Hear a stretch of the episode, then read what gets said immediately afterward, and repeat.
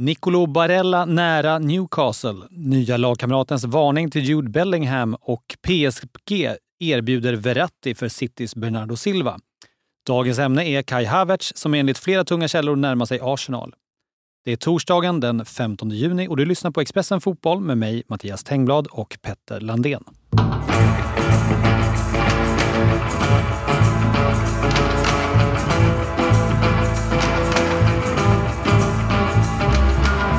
Du, vi börjar med eh, huvudnyheten mm. om att eh, eh, Chelsea för samtal med Kai Havertz. De för även samtal med Arsenal. Eh, Havertz ska vara sugen på en flytt enligt Fabrizio Romano, som också skriver att Arsenals Mikel Arteta verkligen är ett stort fan av den tyske 24-åringen.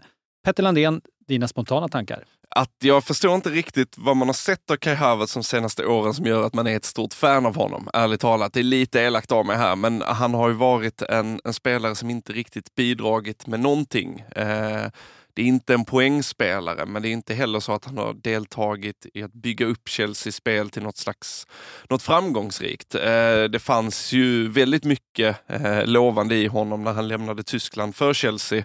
Eh, och visst, han har ju avgjort en Champions League-final för Chelsea, så att helt usel har ju den värvningen inte varit. Men Kai Havertz tycker jag känns väldigt mycket som eh, en spelare som passar en precis mall. En typ fa falsk nia är väl liksom egentligen hans roll. Um, och jag kan väl förvisso se att en Pep Guardiola-inspirerad Mikael Arteta kan, se, eh, kan tänka sig att använda en falsk nia framåt. Eh, men jag vet inte, jag, jag, jag, jag, känner mig lite skakig på vad Arsenal ska där och göra, ärligt talat. Havertz har ju två år kvar på sitt kontrakt. Det snackas ju om att eh, Chelsea står egentligen inför två val nu. Antingen så förlänger de hans kontrakt eller så säljer de. Vad tror du? Är, det, är han på väg bort från Chelsea? Det tror jag. Eh, grejen är att det är så himla många som är på väg bort från Chelsea. Eh, men uppenbart så har det varit så att det inte riktigt funkat. Det har riktigt lossnat.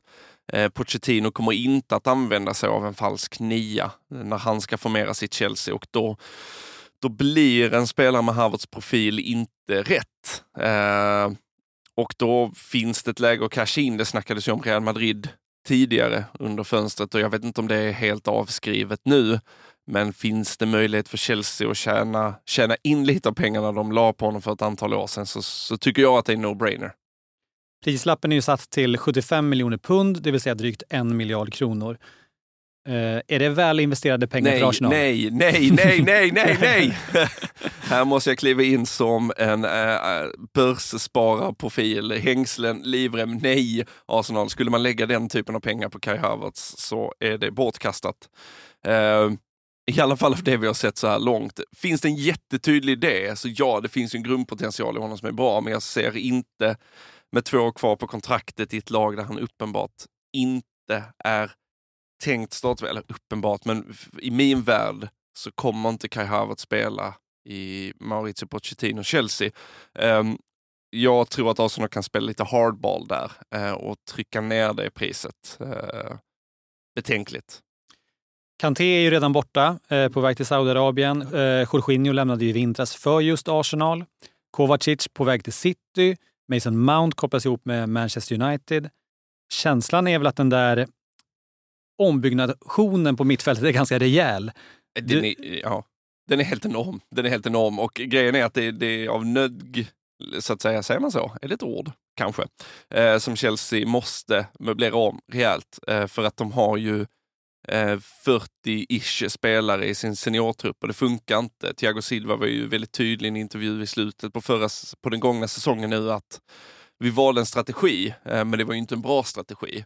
Eh, och det bara dyker upp nya spelare. Och det är ju nu ska ju en sån som Kristoffer Nkunku in som de värvade redan förra året. Och eh, spelare som varit ute på lån som Levi Colwill till exempel ska ju också tillbaka och ta en plats. Så att de behöver rensa men jag, på samma sätt som eh, Graham Potter på många sätt hade en väldigt otacksam uppgift när han klev in i ett Chelsea som byggs om från grunden. Och detta är ju inte, ska man komma ihåg, bara på spelarnivå utan ägaren Todd Bowley tog över förra sommaren.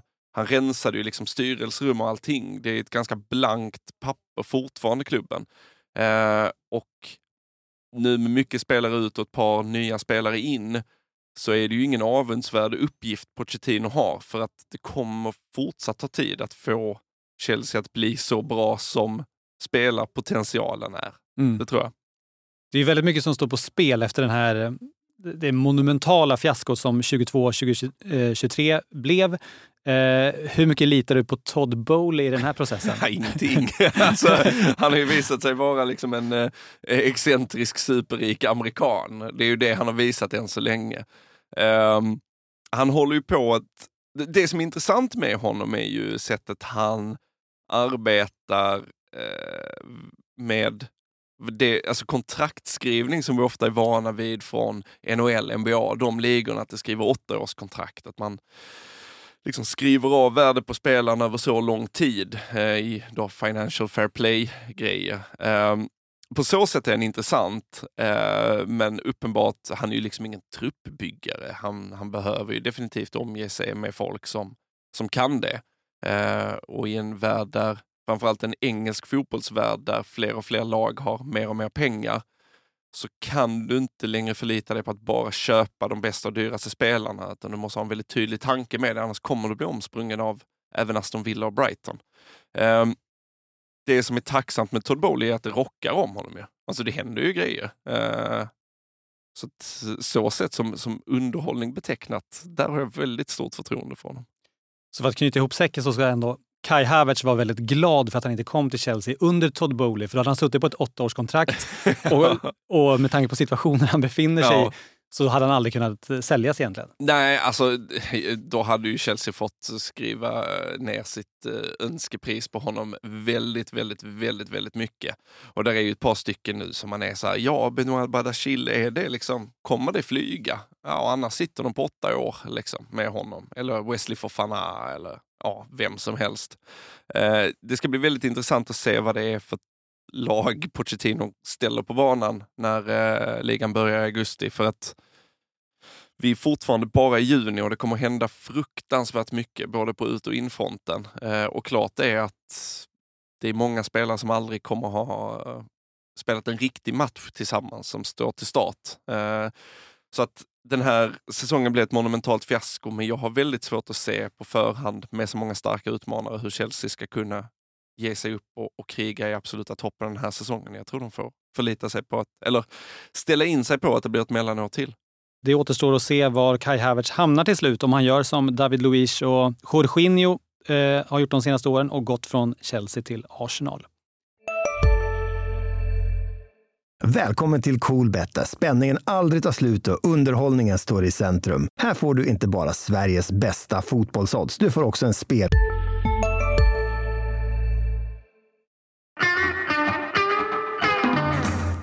Enligt eh, franska L'Equipe så vill PSG verkligen ha Bernardo Silva och eh, man ska ha erbjudit klubben eh, Marco Verratti, klubblegendaren får man väl ändå säga, eh, som en del av affären.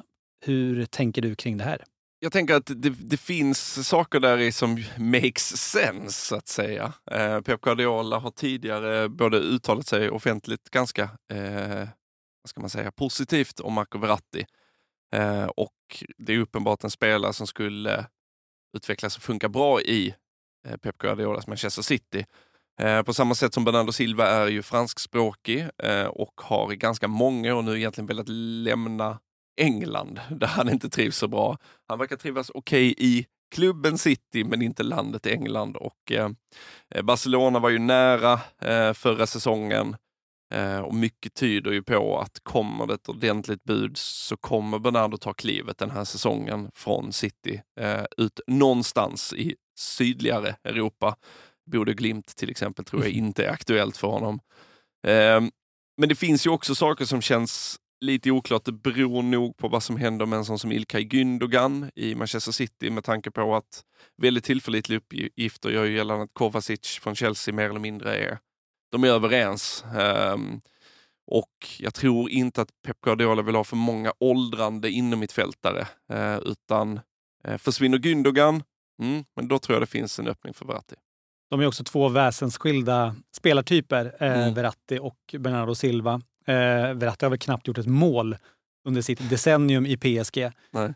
Eh, Rodri finns redan i laget. Du var inne på att eh, Kovacic är på, på ingång. Mm. Finns det liksom ens plats för en, en spelare som Verratti? Alltså med tanke på mängden matcher City ska spela eh, och om Gündogan försvinner, då finns det plats. Sen Pep tycker om att laborera med spelare, att de så ofta ska kunna spela på mer än en position. Eh, och jag kan ju se eh, där Calvin Phillips som värvades från Leeds förra säsongen inte har fått förtroende knappt att bära ut spelarnas liksom, skor till träning. Eh, så kan jag se en, en, en, ett framtidsscenario där Verratti kan växeldra som sexa, åtta i någon slags rotation. Och Phil Foden får spela på kanten eh, där Bernardo Silva oftast är så att säga. Så att, eh, de, det är inte en, en, ett spelarbyte rakt av spelartyp för spelartyp. Eh, men uppenbart om Gündogan försvinner och Bernardo försvinner så finns det liksom en lucka i alla fall i City att fylla.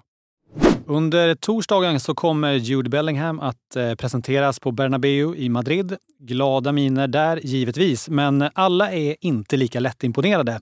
Toni Kroos är en av dem. Eh, han har eh, nyligen sagt så här. Vi hade en annan spelare som kom för väldigt mycket pengar och som i princip lät sin karri karriär dö här. Det var mycket pengar, men jag tror att alla skulle skriva under på att det var inte en bra affär. Men låt oss vara positiva, avslutar han ändå med. ja, låt oss. Han talar såklart om Eden Hazard. Ja. Eh, tankar kring det här? Här, här är det ju väldigt tydligt att jag och Tony Kroos är väldigt olika människor. Och så, så får det ju lov att vara. Eh, jag förstår att den här eh, ytterst professionella eh, innermittfältaren som har en lång och mycket framgångsrik karriär eh, det är uppenbart att det är en disciplinerad herre vi har att göra med. En man som lägger ner arbetet varje dag, ser till att återhämta sig på rätt sätt. Har ju givetvis dietister som gör att han äter tråkigt men bra för att kroppen ska hålla så länge som möjligt. När du då kliver in med liksom Eden Hazard som kostar 1,1-1,2 miljarder, vad det nu var, eh, som har den här gudabenådade talangen men inte alls eh, huvudet för det egentligen. Då förstår jag att det blir en kollision där. Eh, jag å andra sidan älskar ju den här typen. Eh, få saker gör mig lyckligare än en lite, lite, lite tjock fotbollsspelare. Eh, en känsla av att, men titta, det går ju. Man kan, även jag som soffpotatis kan spela boll, om en Hazard kan det. Eh, lätt överdrivet givetvis, men... ehm, Han spelade inte mycket boll. nej, han spelade, han, i- i Real mest- Madrid, ska han var mest, nej, han, var, han var ju mest skadad. Eh, men jag, jag förstår att Tony Kroos eh, retat sig på den här liksom, eh, lallaren som kommit in och trott att man bara kan latcha. Medan jag tycker att det är lite uppfriskande.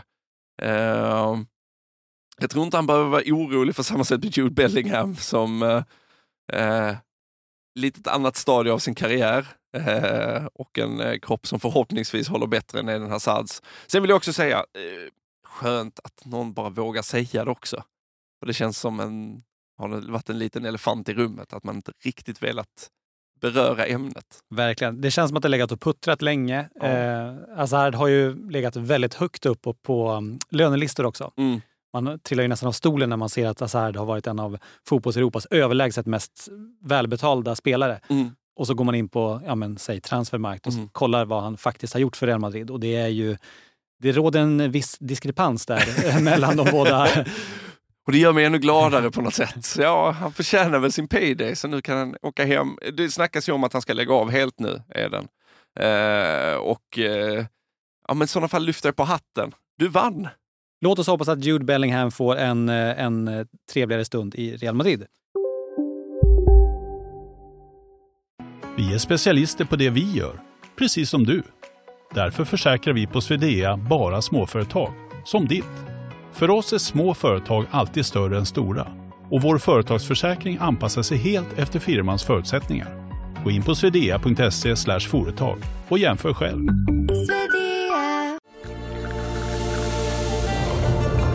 Välkommen till Maccafé på utvalda McDonalds restauranger med Baristakaffe till rimligt pris. Vad sägs om en latte eller cappuccino för bara 35 kronor? Alltid gjorda av våra utbildade baristor.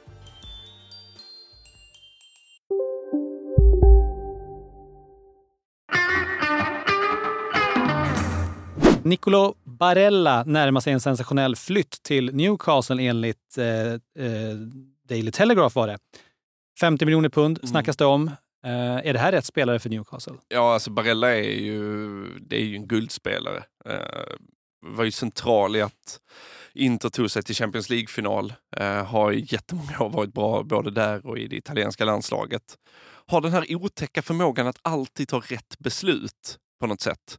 Eh, när man liksom tittar på honom, det är så här, det finns andra spelare som du så tydligt kan peka på, men här är spetsegenskapen fart eller liksom avslut. Så här. Barella är svårare, det är mer paketet. Att saker och ting eh, som sker runt omkring honom blir rätt. Eh, eh och jag tror att framåt så ser ju Newcastle väldigt bra ut. Men det finns liksom nyckelpositioner att förbättra på. Jag, jag personligen är inget jättefan av en sån som Joe Willock på, på inomhittfältet. Och där tror jag att Barella jämte Bruno Gimares till exempel och Joel Linton, det är ju det är ett klassmittfält. Eh, och det blir ju väldigt roligt för eh, Alexander Isak att få, så, om det blir så, så pass eh, bra spelare. Eh, och i liksom rätt ålder. De kan ju liksom kampera ihop i ganska många år om, om det vill sig väl. Eh, så jag tror att det, det skulle vara ett rejält lyft för Newcastle och inte då minst för Isak som får en, en med all respekt till Willock, typ tio gånger bättre spelare att eh, leka med. Isak var inne på det här under onsdagen, att Newcastle, hans känsla är att Newcastle är fortsatt en klubb, trots sina ekonomiska muskler, som eh, vill spendera smart.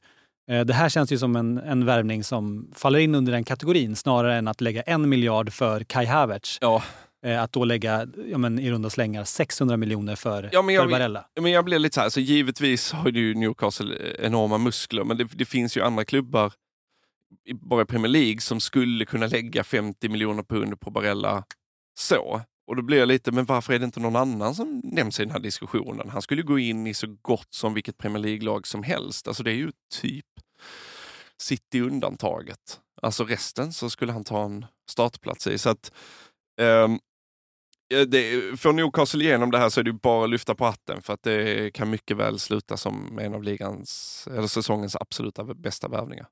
Och så kanske sluta med att, som Emil Heski sa till, eh, till Expressen, att eh, Alexander Isak gör fler mål än Haaland nästa säsong. Ja, vi får se. vi får se. Expressen Fotboll eh, är givetvis tillbaka imorgon, då med fullt fokus på Sveriges match mot Nya Zeeland. Vi hörs då!